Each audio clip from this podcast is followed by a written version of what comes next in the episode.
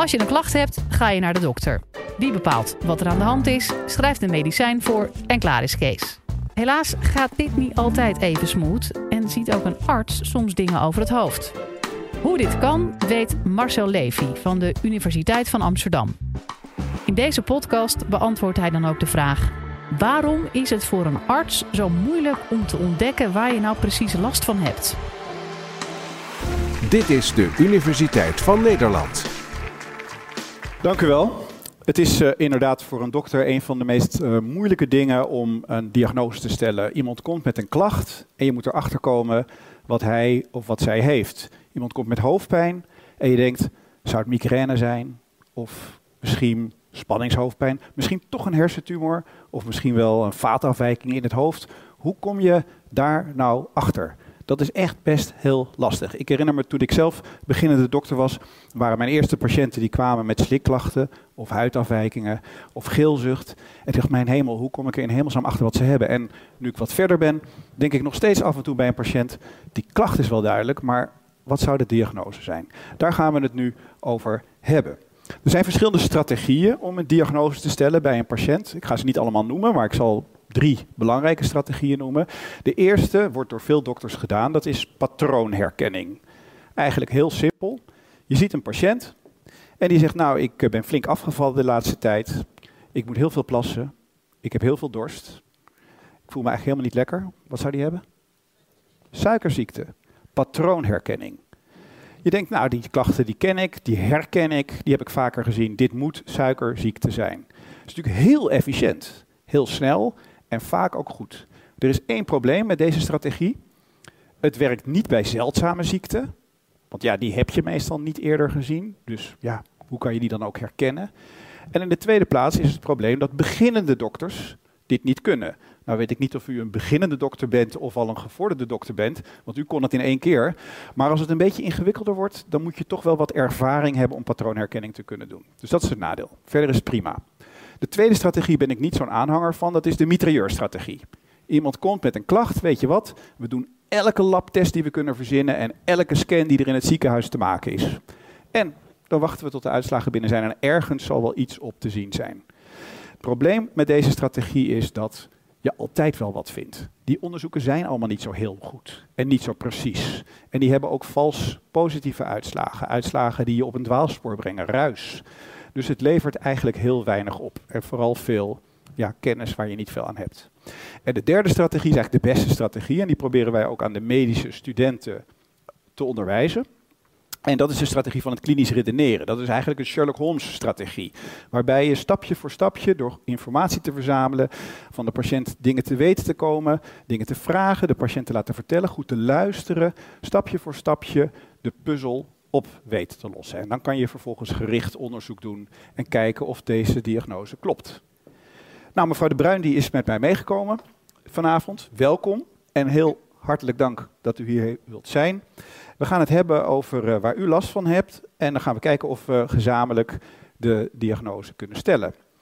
En uh, laten we maar focuseren op de klacht die erg uh, op de voorgrond staat en dat is volgens mij uh, buikpijn. Ja, ik heb regelmatig last van buikpijn. behoorlijke pijnlijke krampen eigenlijk. Het gaat wat in golfbewegingen. En um, is het een beetje buikpijn en een beetje misselijkheid? Um, of is dat toch wel zo heftig dat je bijvoorbeeld niet naar je werk toe kan? Het is behoorlijk heftig. Ik lig echt op de bank. ik kan ook uit ervaring vertellen dat het pijnlijker is dan weeën.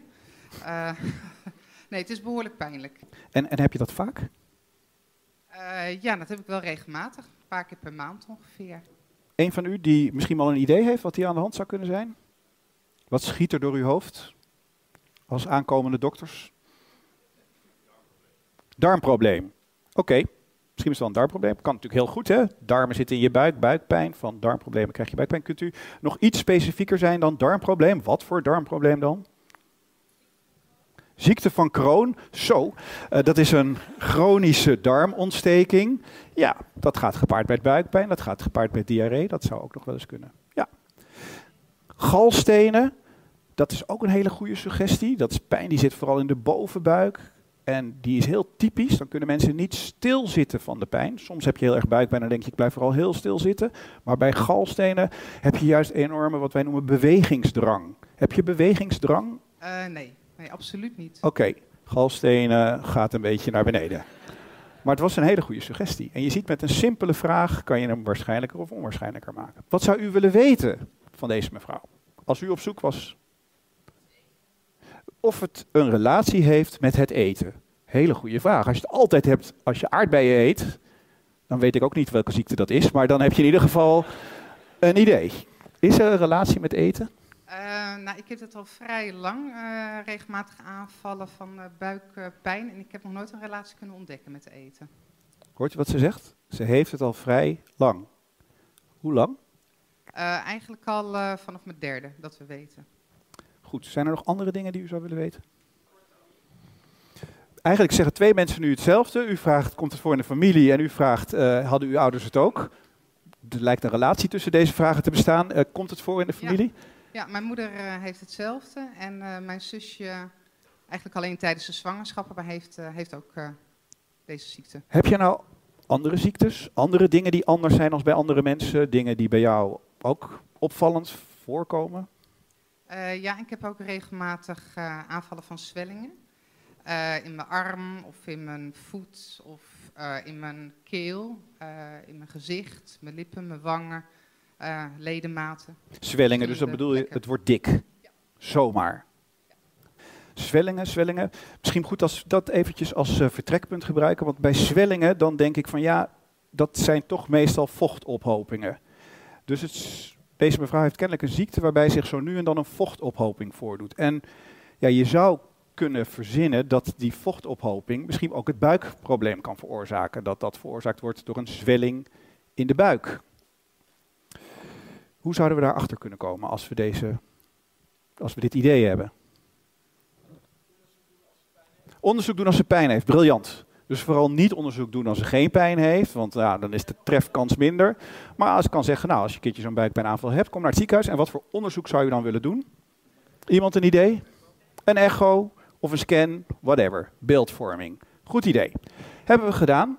Wat je hier opvalt, is dat ja, die gekke ronde structuren, dat is allemaal darm. Maar die zijn enorm opgezwollen. Dus dat darmprobleem, dat was zo'n gek idee nog niet. Opgezwollen darmen, vol met vocht, dat is dat grijzige hier, en hele dikke darmwanden. Dus inderdaad, het buikprobleem lijkt ook een vochtprobleem te zijn. En zoals deze mevrouw af en toe vocht in de arm, in de been of in de maag of in de darmen heeft, heeft ze dat ook af en toe in de buik. En dat geeft dus hele heftige pijnaanvallen, diarree en overgeven. Dus we weten eigenlijk al een beetje wat het is. Waarom, waar komt dat vocht vandaan? Dat vocht komt waarschijnlijk uit de bloedvaten. En die bloedvaten die lekken dus kennelijk op momenten bepaald vocht. Nou, dan moet je even in de boeken. En dan vind je dat het stofje wat bepaalt of vocht in de bloedvaten blijft, of of ze toch een beetje doorlaatbaar worden voor vocht, dat dat bradykinine heet. En waarschijnlijk zit er dus een foutje in het DNA, waardoor er dus te veel bradykinine is en er af en toe vochtophopingen ontstaan die een dikke hand, een dikke voet of een buikpijnaanval kunnen veroorzaken. Die ziekte heet hereditair angioedeem. Het is een zeldzame ziekte. Bij iedereen die bij de huisarts komt met buikpijn, zal vrijwel niemand deze ziekte hebben. In Nederland hebben enkele honderden mensen deze aandoening. Maar u ziet hoe eenvoudig het is door met wat simpele vraagjes en een goed getimed onderzoek toch die diagnose te kunnen stellen. Oké, we hebben een diagnose. We hebben nou ook een behandeling. Het is misschien goed om eventjes bij je terug te komen. Uh, ja, ik gebruik medicijnen. Ik gebruik uh, Danazol, 100 milligram per dag. En met die pillen uh, heb je dan nog vaak aanvallen? Nee, dat is, dat is gelukkig echt mooi preventief. Dus daar heb ik eigenlijk bijna nooit meer aanvallen mee. Goed, wat ik u eigenlijk met u heb willen delen in dit kleine college is hoe, hoe moeilijk het soms kan zijn om van een klacht naar een diagnose te komen, zeker als dat niet een heel erg voor de hand liggende diagnose is, dat je aan de andere kant toch door zorgvuldig wat vragen te stellen, proberen logisch te denken, wat wij dan noemen klinisch te redeneren, je uiteindelijk toch in staat bent om ook op deze manier zeldzame ziekte te diagnosticeren, dat je daar eigenlijk maar één fotootje voor nodig hebt. En dat het dus helemaal niet zinvol is om daar een hele batterij aan testen op los te laten en uiteindelijk maar één labtestje als je van tevoren maar het denkwerk hebt gedaan. En dat leidt dan uiteindelijk wel tot een diagnose die ook niet zo heel erg lang op zich hoeft te laten wachten. En u heeft gezien, u kan het zelf ook voor een heel belangrijk deel.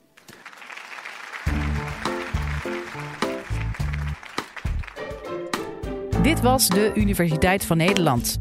Wil je nou nog meer wetenschappelijke antwoorden op spannende vragen? Check dan de hele playlist.